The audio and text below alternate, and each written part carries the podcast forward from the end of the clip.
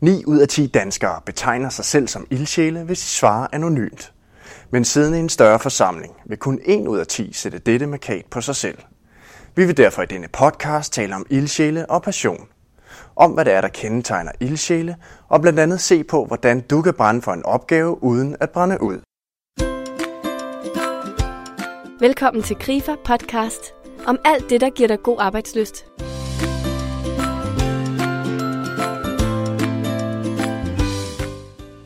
Tommy Krabbe er Danmarks førende og eneste ildsjælolog. Han er optaget af læren om, hvordan vi brænder for det, vi laver, uden at brænde ud. Som foredragsholder hjælper han danske organisationer og virksomheder med at skabe fokus på ildsjæleriet og gøre det til en fælles og givende indsats til gavn for alle parter. Jeg har derfor taget en snak med Tommy Krabbe om, hvad det egentlig vil sige at være en ildsjæl, og om det at være en ildsjæl kan hjælpe mig i mit arbejdsliv. Mit navn er Jakob Fabricius. Velkommen til. Tommy Krabbe, mm. kan du fortælle mig, hvad en ildsjæl egentlig er? Hvad forstår du ved en ildsjæl? Ja, og der vil jeg godt være starte med at være så dum og svare på spørgsmålet og sige, hvad det ikke er. Fordi der er rigtig mange, der går rundt med en opfattelse af begreb, og det er også et gængs ord i vores sprog, og, så det er helt okay, og det starter jeg også selv med.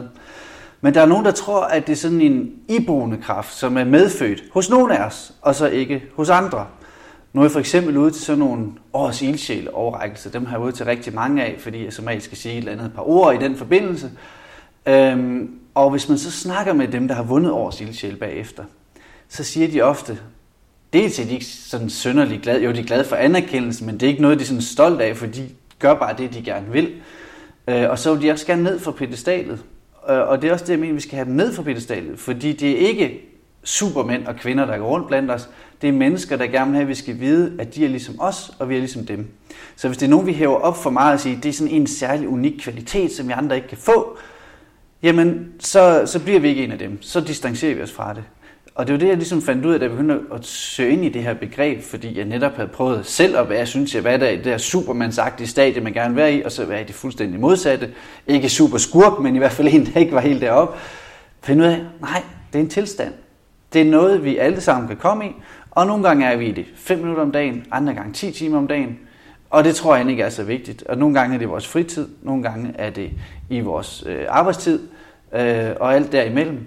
Øh, og jeg er helt sikker på, at har man det det ene sted, så øh, kommer det det andet sted. Mm. Og hvis jeg skal sige, det var sådan lidt om, hvad det ikke er, mm. øh, for at sige, at det her det er altså noget, man kan lære, det er noget, man kan arbejde på, øh, så, vil jeg, så er det sådan tre ting, jeg siger, der kendetegner den her tilstand.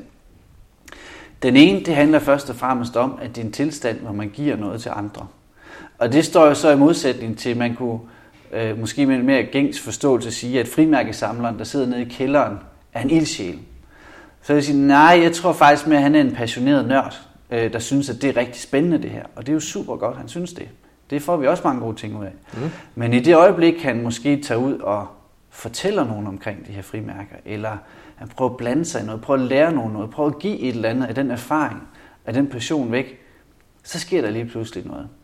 Øh, og der sker noget med os som mennesker. Øh, vi er sådan ret godt hardwired til at, at være i de her tilstande. Altså blandt andet når vi giver, så kan man jo måle, at vores oxytocin-niveau stiger, og det er, det er jo et dejligt øh, hormon. Det er jo også det, der sætter fødslen i gang i øvrigt, men, men, okay. men, men, men, men, men det, det er noget af det, der retter os mod andre mennesker, og som regel bliver også udgivet øh, serotonin i lykkehormon, mens det er derfor, man også ved, at under et indsamlingsshow, når lige trykker sms'en, og så støtter man et beløb, så føles det rart. Jeg kan bare mærke det øh, og det smitter hos andre mennesker, og på lang sigt, så bliver vi også mere lykkelige øh, af at give noget. Mm-hmm. Så det er bare det med at give. Øh, og så den anden, det er nok det, som meget lægger mærke, mange lægger mærke til ved ildsjæl, det er entusiasmen. Det er det der med, at man kan se, at der er noget, der brænder. Øh, den ukulighed, som man mærker på nogen. Øh, og for mig så betyder det, altså kan man sige, sprogligt set betyder det gudegivet inspiration, og det lyder også rigtig stort, men for mig så betyder det mere, at man er følelsesmæssigt involveret i det, man laver. Og det er sådan set uanset, hvad det er. Når man møder ind, når man er fri i håndboldklub, med frimærkerne, hvad det er, at man så kan mærke, at jeg har følelserne med i det her. At jeg ikke hænger min personlighed på, på, øh, på knagerækken og hænger min jakke. Øh, og det, der er det gode ved det, det er, at det giver en masse energi. Altså hvis man prøver at tænke på, at øh, hvis man for eksempel har børn, og tænker, jeg har en dag, hvor jeg bare ikke har så meget energi. Hvis det barn har et problem, mm. så får jeg energien. Et eller andet, der er vigtigt, et eller andet, der involverer mig følelsesmæssigt, så får jeg energien. Og det er kroppen også lavet til. Det har en lang hormonel forklaring, som jeg ikke har forsket, jeg ikke skal tage æren for. Jeg har bare læst det. Øh, men blandt andet det, at, at vi får noget adrenalin til at gøre noget ved det, vi får noget fokus via dopamin, som er et belønningsstof, vi senere får, når vi gør det, og så kommer noget oxytocin ind, der gør, at vi igen vender os mod andre mennesker. Så det bliver sådan selvforstærkende? Eller? Ja, altså, og, og, og, og, på mig så er det sådan lidt, det jeg arbejder meget med lige nu, det er overskriften, at det er menneskeligt at brænde. Ja. Og det kan vi jo se, fordi når vi gør det, så sker der nogle ting med os som mennesker, som rent øh, fysisk, hormonelt, øh, som får nogle konsekvenser for os. Så det er entusiasmen. Ja den kan igen være problematisk, fordi at de fleste har nok mødt nogen, der er helt væk i det, de laver. Vi kan ikke trænge ind til dem. Og prøv at forestille dig at arbejde med nogen, jeg kan ikke trænge ind til. Det er ikke særlig heldigt, fordi vi også tit kan tage mange beslutninger med følelserne, når vi er entusiastiske. Mm. Øh, og beslutningen på følelser er ikke særlig gode, fordi at dels kan mine følelser jo skifte. Øh, om lidt, jeg kan sidde og holde af min søn og synes, at det er det dejligste i hele verden. 30 minutter senere, når jeg prøver at putte ham i 29 minutter, så kan jeg blive fuldstændig vanvittig og bare ønske, at, øh, at der bare skete et eller andet vildt lige nu. Ikke? Øh, så, så, så, så den følelsesmæssige involvering er rigtig god, og det er den, vi kan mærke, og det er også den, vi skal mærke. Endelig så er der den sidste del i min ligesom, treenighed af, hvad, hvad en ildsjæl tilstand består af. Det er et, et godt gammelt ord, et kald. At man ligesom føler, at, at det, jeg gør, harmonerer med noget, der er større end mig. Og der er ikke ret meget, der motiverer os mennesker mere, end at føle, at en del af noget, der er større. Og det der større rammer ligesom noget ind i mig. Altså, der er jo ikke nogen, der er fodboldtræner, som ikke har spillet fodbold, da de var små. Der er nok heller ikke nogen, der er ledere, gode ledere, som ikke har oplevet en god leder i deres liv. Eller en dårlig leder, som de tænker, sådan skal jeg ikke være. Sådan vil jeg ikke være over for andre mennesker. Og det er sådan det, man hele tiden kan, jo mere man kan gøre det konkret, jo mere man kan tænke øh, på japansk, altså begrebet ikigai, som betyder, det kan både betyde det, der gør mit liv værd at leve, som sådan et store forkromede ting, som mange nok ikke rigtig når til. Mm. Men det kan også betyde grund til at stå ud af sengen om morgenen. Altså en lille konkret øvelse. Hvorfor var det, at stå ud i dag? Eller som Peter Plys siger, der skal være en honningkrukke hver dag. Altså et eller andet, selv i de tider, hvor man synes, hvis, hvis, hvis man er ledig, eller hvis man synes bare, det er hårde tid, der er nedskæring, find det der lille hver dag. Hvorfor er det stået i sengen? Er det noget på mit arbejde? Det kan det være den ene dag. Næste dag kan det være mit ægteskab. Tredje dag kan det være mit barn. Fjerde dag kan det være min have. Men der skal være et eller andet hver dag. Så det der lille kald, Mm-hmm. Fordi det gør jeg målrettet. Så sætter jeg jo gang i den entusiasme. Så bliver jeg følelsesmæssigt involveret. Så kan det måske være noget, hvor jeg giver noget til nogen. Og så senere på dagen, så føler jeg mig utroligt taknemmelig over, det lykkedes det her. For jeg gjorde noget for det. Jeg er ikke fortaler for, at man bare skal ønske ting, og så sker det. Er, kan dem, der læser The Secret, de kan de få lov til at gå og lege med. Det vil jeg gerne holde mig væk fra. Øh, men så gør man noget, og så oplever man taknemmelighed. Og det, det faktisk viser fra Japan af, det er også, at så passer man både på sig selv, bedre på sig selv og sin krop, fordi man vil gerne have flere sådan nogle dage. Mm. Og så, øh, så lever man faktisk længere, fordi man brænder for det, man laver. Og det synes jeg er en rigtig god ting. Så det var en meget lang forklaring på et, et, øh, et spørgsmål, men, men grundlæggende det der med at tænke det som en tilstand, måske en anden strategi, at man bevidst kan gå ind og sige, hvad er det, jeg gerne vil give til andre? Ja. Hvornår bliver jeg følelsesmæssigt involveret i det, jeg gør? Hvad kendetegner mig? Ja. Når jeg gør det, så andre kan vide og genkende det i mig. Og hvad er egentlig mit ikigai, eller mit kald i det, jeg render og laver? Okay. Øh, så kan man finde den i sig ja. øh, er jeg sikker på. Og man kan endnu bedre finde den hos hinanden. Er man født som en ildsjæl? Altså nu starter med at sige, at man kan lære det. Ja. Øh, er der nogen, der bare er født som ildsjæl, lige meget hvad de kaster sig over, så virker de, eller i hvert fald på samme, de forekommer passionerede, og, og sådan nogle som du og jeg måske vil kendetegne som en ildsjæl. Ja, for nu, nu snakker du om, hvad man øh, ser hos andre. Ja. Og jeg tror, der er nogen, der er født, eller ud, den diskussion skal vi nok ikke ind i, men men der er i hvert fald nogen, der viser det bedre end andre. Øh, blandt andet dem, der er ekstroverte, for eksempel. Det, nu er jeg selv den ekstroverte, ellers så, derfor har jeg det godt med at foredrag. Øh, så det, jeg er sådan en, der viser meget ud af til, når jeg brænder for noget. Mm-hmm. Men, men andre, nu sådan en som min, min egen kone for eksempel, er utrolig intelligent og, og, og introvert, og de har nogle helt andre styrker, som jeg slet ikke kan. Altså det der med at sætte sig ned og fordybe sig i noget, det er alt for flyvs til. Mm. Øh, så, så det kan være, at, at når man ser på en, der, der reagerer sådan, så tænker man ikke, de brænder. Det er så ærgerligt, fordi de kan sidde med så mange ting rundt omkring, og det tænker man ikke i, fordi man ikke har haft samtale med hinanden om, sådan at man for eksempel kan sige til sin leder, når du ser mig fordybet i noget, sådan virkelig væk i noget, så er det der, jeg er allermest passioneret. Mm-hmm. I stedet for sådan nogen som mig, der bare kommer ind og tager ordet og blæser op, og nu skal du se, og jeg har fundet ud af det og det og det og det. Vi fylder for meget der. Øh, og det er så nogen, som nogen tænker, de er altid passionerede omkring det. De viser det bare meget mere. Så jeg tror egentlig, i det jeg mener, det er menneskeligt at brænde, så tror jeg egentlig, at vi er født til det alle sammen. Mm-hmm. Så, så ja, nogen er født til det, fordi vi alle sammen er født til det. Mm-hmm. Er det, er, er det vigtigt, at vi ser de der lidt mere indadvendte ildsjæle, eller hvad, hvad tænker du om det? det, det ja, fordi øh, udadvendt, indadvendt, introvert, ekstrovert, det er en måde at dele verden op på. Der er mange andre måder, og, og det jeg tror, der er vigtigt, det det føres frem til, det er, at vi får snakkende med hinanden. Altså sådan, at jeg ved, at når, øh, når jeg ser den adfærd hos dig, så er det fordi, du er med. Og så kan de netop føre nogle uheldige ting med sig, altså fordi jeg kan blive væk i tingene. Jeg skal prøve at give et konkret eksempel. Mm. Jeg arbejdede på et tidspunkt et sted, hvor jeg var meget passioneret for det, jeg lavede. Øh, når min chef kom ind om morgenen og satte sig, det var sådan et storrumskontor, så ville jeg altid, jeg ville sidde sådan og trampe i gulvet, inden hun kom ind, og så bare vente på, hun kom, og så ville jeg storme over mod hende og give hende 10-15 idéer, som jeg havde fået, siden vi sidst havde snakket sammen. Fordi når jeg brænder for noget, så bliver jeg kreativ, og jeg bliver meget udadvendt. Og for hende, så var det simpelthen en pest uden lige, og det fik vi så heldigvis en snak om senere, inden det gik helt galt. Men hun skulle nærmest sidde i bilen hver morgen og trække vejret dybt 20 gange, for nu vidste jeg, at hun satte sig, så kommer jeg stående med 15 dumme idéer, inden hun har fået sin morgenkaffe. Ja. Og det er der ikke nogen mennesker, der kan holde til. Øh, men i det, jeg siger til hende, jamen, det er bare mig, der lover med halen. Så du har ikke, hun var meget øh, empatisk også, og, og, og troede, at hun skulle reagere på alle mine idéer. Hvor jeg sige, nej, glem dem, når jeg har sagt dem. Det er bare mig, der lover med halen. Men altså over for en kvindelig chef, så kan man ikke love med halen. Dels fordi jeg har ikke to chef, øh, jeg har ikke en hale, og så vil det også medføre en helt anden samtale på direktørens kontor, hvis I gik hen og lovede foran hende hver morgen, kan man sige. Så, så, så, så, så det er noget, vi alle sammen skal snakke om. Og vi skal finde ud af, øh, fordi så kan man, det hun så også kunne komme hen til mig og gøre senere, det var, når hun ikke oplevede den adfærd hos mig. Når hun lige præcis kom hen og sige, men du sagde jo, at når du brænder for tingene, så kommer du med udadvendte kreative idéer. Nu har jeg ikke kørt en idé for dig i tre dage. Er det noget, vi skal snakke om? Mm-hmm. Er noget, jeg kan gøre for, at du kommer ind i den bane igen? Øh, og sådan burde det være hele tiden. At når jeg, fordi når vi netop er i den der bane, hvor vi er helt, altså jeg bliver jo helt væk, det gør jeg næsten nærmest bare at tale om det nu, ikke? Men hvordan når man ind til mig så? Det gør man først og fremmest, hvis man kan genkende, at nu er jeg i den der dopaminfase, hvor jeg taler for at få et eller andet begejstringsrus ud af det. Så der ved man, der kan jeg ikke tale ind til ham. Når jeg så lige har ladt mig få mit fix, og sagt det, jeg gerne vil sige, så kan jeg rammes igen. Øh, og det jeg nemlig ser, det er, at der kan være så mange konflikter, som kunne undgås. Hvis jeg bare op, altså hvis jeg oplever en, der er meget modsat mig, at jeg så tænker, det er fordi, de brænder lige nu. Hvad er det fedt, det har vi til fælles. Så måske er det ikke lige nu, vi skulle tale om det her. Måske skal vi lige vente 10 minutter, eller måske en dag, og så tager vi det lige op igen. Simpelthen i anerkendelsen af, at det her, det skal vi gøre sammen, fordi vi brænder for det. Mm. Vi gør det bare forskelligt. Mm. Og det er jo der, man kan huske en klassisk opfattelse, vil tænke, vi er forskellige. Han er en idiot, fordi han sidder og kigger ned i bord, og han er træls, fordi han render rundt og råber og skriger. Øh, så dem vil vi ikke have noget med at gøre. Men det, det er slet ikke der, vi skal være. Vi skal genkende hinanden og se, det er en, der brænder for det, de laver. Øh.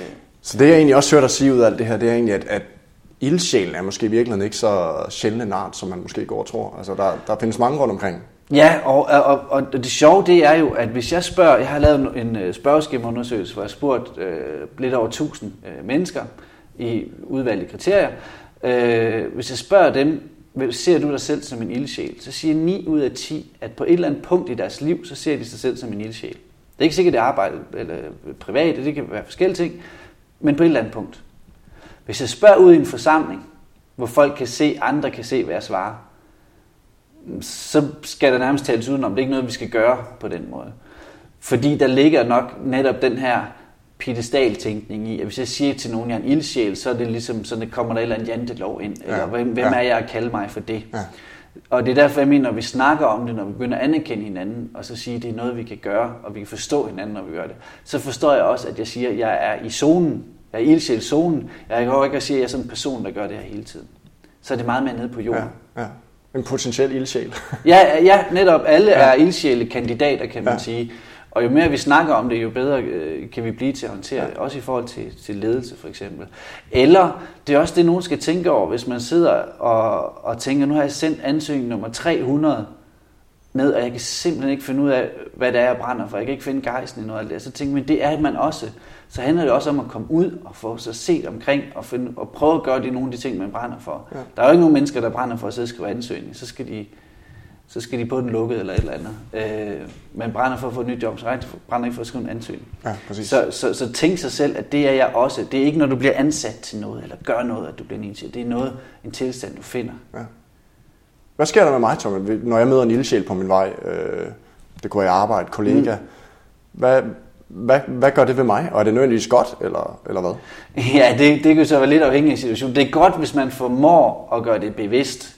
Det kan gå rigtig galt, hvis man ikke gør det. Ja. Både for dig og for, for, for ildsjælen selv, kan man sige. Altså det gode, det kan dels være det her med, når man er i nogle givende øh, situationer, øh, hvor man oplever, altså basalt set, hvis du går ind på kontoret, nu du kommer tilbage, giver en kop kaffe til din kollega, du får det godt med at give den væk, kollegaen får det godt med at få kaffen, men det man faktisk også kan se, det er, at dem, der ser det, at du kommer med kaffen til en kollega, de faktisk kan opleve den samme følelse. Mm-hmm. Så det spejler sig. Det er jo helt konkret vores spejlneuroner.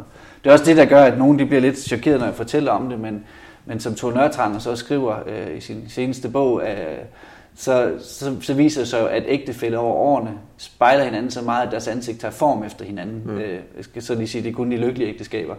Øh, men, men vi spejler virkelig meget. Så det vil sige, at vi spejler også det, at andre giver. Øh, så udover at kunne være glæde ved at give eller få, så kan jeg også være glæde i at være et miljø, hvor man giver og får. Så, så, og, og så kan det være inspirerende. Altså, så, så med andre ord, en ildsjæl der giver til mig, kan gøre mig mere givende? Eller vil det, vil det naturligt Det vil jo inspirere, og det vil spejle, og, det, og, og, og, og man får lyst til at med. Øhm, og især hvis man bliver klar over, at det ikke kun er de der udadvendte vilde typer, som, som, som er ildsjæle, men man kan sige, det er noget, vi vil sammen, det her. Øhm, det er det så også, altså det kan give nogle positive ting. Også det, du får en kollega, som rent faktisk brænder for det, de laver. Det tror jeg er rart at arbejde sammen med, når man kan mærke med folk, at de vil gerne det her.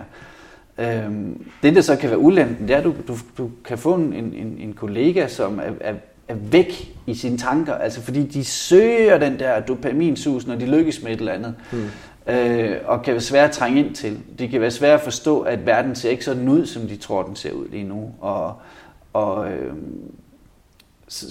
og det kan få, skabe nogle konflikter. Det kan også være nogen, hvor man så siger, man stemmer deres forslag ned til et møde, men så kan de gå fuldstændig i den anden lejr, fordi de tror, at, at man, man rammer dem jo dybt i noget. Hvis man rammer der i, hvor deres kald er, hvor deres følelsesmæssige involvering er, så skal man jo forstå, at, at, øh, at det, det er hårdt for dem. Mm-hmm. Og det er ikke særlig rart som kollega jo, at være i det der miljø. Så, øh, og ledelsesmæssigt og organisatorisk kan man også sige, at nogle gange så er det altså også bare problemer, hvis folk går rundt for at give hinanden noget hele tiden. Mm-hmm. Øh, der var, jeg kan ikke lige huske virksomheden i USA, men der var simpelthen en ingeniørvirksomhed, hvor man forbyder medarbejderne at tale med hinanden hver formiddag, fordi ellers får der ikke nogen at forlade noget, øh, fordi de hele tiden går rundt, hvordan kan jeg hjælpe dig med det, du laver, ikke? Øh, så, så, så jeg prøver også at være lidt neutral i forhold til ildsjælbegrebet, og så sige, at det har nogle fordele, har nogle lemmer, øh, og fordelen kommer, hvis vi taler og gør det her bevidst øh, med hinanden. Mm-hmm. Så kan der ske mange gode ting. Ja. Kan man, kan man sige noget om, om sådan en karrierevej? Altså det, at jeg ser mig selv som ildsjæl, og måske mm. også tør at sige det højt for andre. Ja. Kan det gøre noget i forhold til mig med en karriere, i forhold til karrieremuligheder? Og...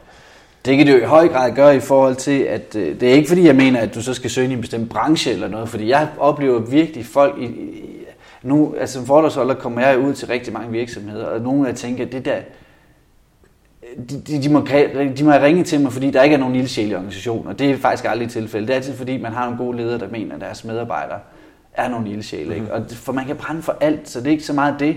Men det er mere det der med, det sådan er det med al personlig udvikling og motivation osv. Men det der med at kunne vende sig til at gå ind og tale om det, og gøre folk klar over, hvordan får du mig til at brænde for det? Hvordan kan du tage hensyn til mig? Hvordan kan jeg tage hensyn til dig? Og så leverer vi jo også nogle bedre resultater. Og mm, det er jo, det er jo selvfølgelig den bedste karrierevej overhovedet, det er at levere nogle resultater. Øhm, fordi at man, man netop er så meget inde i det, man laver, og man vil det så gerne. Og man gør det på en givende måde. Øh, det er jo noget af det, som Adam Grant, der skrev en bog for i år, der hedder Give and Takes, øh, handler om blandt andet. Det er også, hvad kommer ud på lang sigt af det her. Mm. Og der kommer jo stærkere netværk også. Altså dit netværk giver til dig, fordi du har givet til dem. Ja, præcis. Øh, og det er jo de kolleger, som, som lige øh, giver lidt mere. Det er ja. jo også dem, man godt kan lide. Og, ja. og vi ved jo alle sammen, vi vil gerne være sammen med dem, vi godt kan lide. Ja. Vi er ikke nødvendigvis dem, der har de bedste kompetencer, men dem, vi godt kan lide. Så der sker rigtig mange gode ting. Øh, hvis vi formår at gøre det ordentligt, hvis vi reflekterer, hvis vi kommunikerer om det. Du var lidt inde på slagsiderne ja. øh, ved det her ildsjælbegreb, men, men kan man sige noget om, hvordan kan jeg, eller lytteren derude, sådan bevare energien i det, vi er mm. passionerede omkring? Kan man, kan man sige noget om det? Ja. Jeg tror, at der er en meget vigtig ting at pointere her. Det er, at det kan lyde som om nogle af de ting, jeg siger, ildsjæl, at det er hjertesag hele tiden, at det er følelser, at det er passion, at det er gejst og alle de der ting. Man skal bare gå efter det, man sådan brænder for, så lykkes alt. Og det er der, det går galt for rigtig mange. Det kan dels gå galt, fordi man simpelthen brænder ud i det øh, af forskellige årsager. Men jeg tror allermest, det går galt, fordi man fuldstændig overser det vigtige samarbejde, der skal være inde i en selv, mellem det, man kunne kalde hjernen og hjertet, øh, eller tanker og følelser, eller som jeg ynder i foredrag at sige, mellem elefanten og rytteren. Mm-hmm. Altså hvis du tænker sådan en, en rytter, der sidder oven på en elefant, og rytteren det er vores, vores intelligens, vores rationale, øh, som er rigtig god at have, for skal vi fra A til B, så ved han, hvor vi skal hen, og hvorfor, og hvem vi skal have med. Han har udstikket GPS-ruten. Problemet er, at han kommer aldrig selv afsted. Han vil gerne beregne en ny, øh, beregne en ny rute, holde flere møder, sikre sig alt er i orden. Men der har vi elefanten. Og det er så vores mere følelsesmæssige side. Det er der, vi handler og kommer ud af starthullerne. Så det er jo godt, der kommer man afsted. Men der er problemet så bare, at man glemmer helt, der var et B, vi skulle hen til. Fordi man bliver grebet af noget som elefant. Hvis man slap den løs, så vil den jo gå derhen, hvor den synes, der er noget god mad, eller noget at drikke, eller hund, eller han, eller hvad det nu kan være. Øhm, så de samarbejde skal man simpelthen have i gang. Jeg oplever så mange ildsjæle, der brænder ud, fordi dels brænder de selv ud, men de kan også brænde brugerne til folk omkring sig, fordi det lader elefanten tage al styring. Mm-hmm.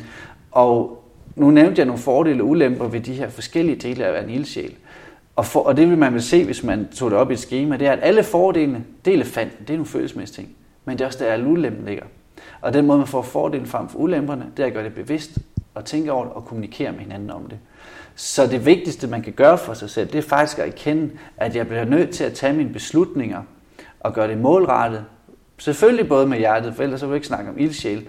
Men det handler ikke kun om at tænke sig og føle sig og passionere sig til alting. Mm-hmm. Det giver nogle rigtig dårlige resultater. Jeg ved godt, der kan komme nogen, nogle gode historier og sige, de gik efter passion, og det lykkedes.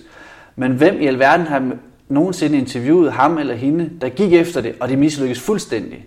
Og det tør jeg næsten sætte ud på bloggen over, og det sker i 90% af tilfældene, hvis det er det eneste, man gør. Mm. Vi kan rigtig godt lide dem, der fortæller os, at du skal bare gøre, hvad du brænder for, så lykkes det. Du skal gøre det, du brænder for, så lykkes det, hvis du også får hjernen med i det, du gør.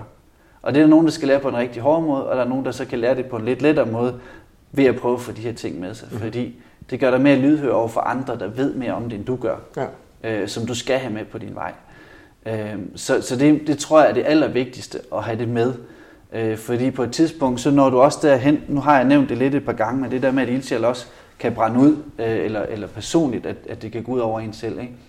Det er jo netop også, når man begynder at tage for mange beslutninger med, med elefanten, eller med følelserne. Mm-hmm. Øh, fordi vi kommer i sådan en zone, hvor vi kan ikke sige nej til noget. Vi kan ikke lægge noget fra os. Det er vi ikke selv i stand til, fordi øh, følelserne siger, jeg vil gerne, øh, og andre kan ikke trænge ind til os.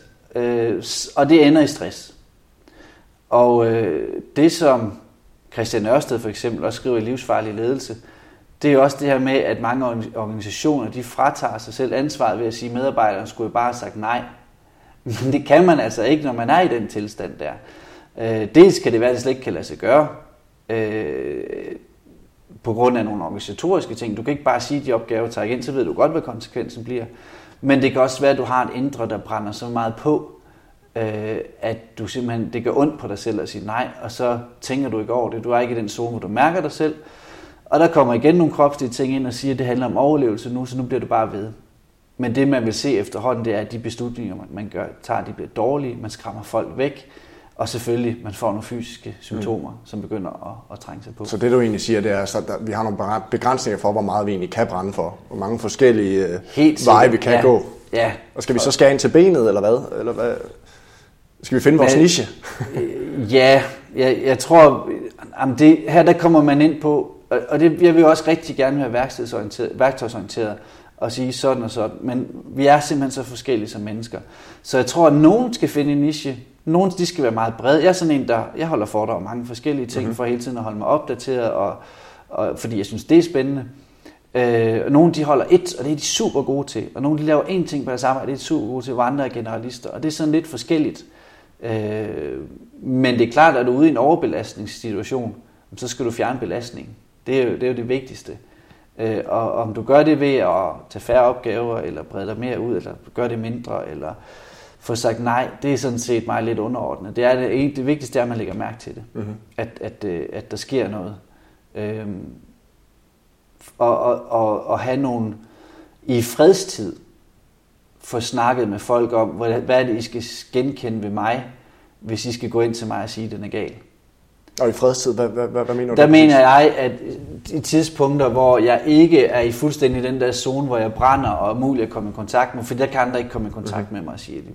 Men at jeg, at min kone og min body, som er en, jeg har som sparringspartner og, og, og bedste venner osv., at de kan ligesom smide et genopladningskort, som jeg kalder og sige, ved du hvad, vi har haft den her samtale, nu kan jeg se, at du er i den zone, mm-hmm. hvor det bliver for meget for dig simpelthen sige, nu skal der ske noget her, fordi det kan jeg se på det. Og det har jeg jo tillid frem og tilbage, så at sige, okay, når de siger det, så ved jeg det, fordi vi har haft samtale. Men den kan vi kun lave i fredstid. Dels hvor vi ikke har konflikter med hinanden, men selvfølgelig også, hvor jeg ikke er helt væk i et eller andet projekt. Øh, og, og, og det jeg også tror også, man skal gøre, det er alle de overvejelser, jeg snakker om. Altså personlig udvikling. Øh, og tænke over det med at give og entusiasme og kald. Det tror jeg også er vigtigt, at man gør i fredstid. At man ikke gør det øh, midt i en opgave. Mm. Altså det, jeg plejer også at sige, det, det, altså det mest interessante tidspunkt for mig, det er faktisk, når folk ligger i sengen lige inden de skal sove. Ikke fordi jeg blander mig i, hvad de laver med hinanden der, men sådan internt lige inden man bogstaveligt talt skal sove. Dagen er over. Der er ikke nogen opgave, du skal løse. Øh, næste dag kommer, når du er færdig med at sove. Hvad tænker du over der? Hvad, og det, det, det er forhåbentlig en fredstid for de fleste, men det er der, hvor der ikke er andre ting, der afbryder. Og det er der, hvor folk tænker for eksempel også noget, som synes jeg egentlig, jeg giver noget til nogen. Har jeg følelse med i det, jeg gør? Hvordan er det egentlig, andre behandler mig? Hvordan behandler jeg andre? Er der et kald i de ting, jeg laver? Mm. Så det er der, man ligesom internt kan sætte fokus på nogle af de her ting. Hvordan var jeg i dag over for andre mennesker? Jeg har arbejdet med udsatte unge i, i små 10 år, som der er altid mange skriverier om, og som mange øh, skælder ud på osv. Og, og det er jo egentlig nogen, som jeg ser som nogle entusiastiske mennesker, de viser det bare rigtig, rigtig forkert for nogle forskellige ting. Og det kan jeg garantere for, at alle de der unge, der render og laver den ballade på gaden, eller hvor de prøver at vise, at der er noget galt, i fredstid om aftenen, inden de skal ligge og sove, så vil jeg garantere alle for, at der kommer tankerne op. Er jeg et godt menneske? Er jeg øh, en god kæreste? Er en god far? En god mor? Er jeg alle de der ting? Er en god medarbejder? Er en god kristen? Er en god muslim? Eller hvad det nu er, folk de ligger på sig selv af etiketter. Der kommer de op, og det er et rigtig vigtigt tidspunkt lige at gøre den der overvejelse. Eller hvis man vågner før resten af huset om morgenen, og så sige, hvor skal den her dag hen? Øh, det er ikke de store tanker. Der er nogen, der anbefaler, at man skal nærmest stå op og lave tre timers personlig udvikling og yoga, inden man går i gang med dagen, men det kommer, det skal, skal, det aldrig ske i mit liv. for stress, ja, skal nå det. ikke i børnefamilie i hvert fald. Men øh, så, så gør det til en enkelt ting. Ja. Ikke gå i seng for at ligge og filosofere, men hvis man alligevel ligger der, og så det, hvad er det egentlig, jeg ligger med? Glæder jeg mig egentlig til at stå op i morgen, eller glæder jeg mig til, at jeg kan ligge her igen? Så bliver man jo nødt til at reagere ja. øh, på en eller anden måde. Ja. Du har nu lyttet til en Krifa-podcast med Tommy Krabbe. Jeg vil her opsummere et par af hans pointer. Ildsjælen er ikke en unik type, men en tilstand, som vi alle kan komme eller være i. Tilstanden er kendetegnet ved tre ting. For det første, så er man her givende. For det andet, så har man passionen og følelserne med. Og for det tredje, så vil man her føle, at der er en højere mening med det, man gør. Han anbefaler, at man også kan prøve at finde bare det lille kald, for på længere sigt at opøve mere passion. Desuden siger han, at hjernen og hjertet skal tale sammen og samarbejde, for at vi bedre lykkes og ikke brænder ud. Men du kan også lade dig inspirere af mange af vores andre podcast. Hør blandt andet om motivation i arbejdslivet med Ulrik Vilbæk, eller hør Søren Pins bud på, hvordan man kan blive mere modig i hverdagen. Find dem på appen God Arbejdsløst eller via en traditionel podcast-app. Vi laver en ny spændende podcast hver uge, som du kan med på farten eller lytte til, imens du vasker op. Tak fordi du lyttede med, og på genhør.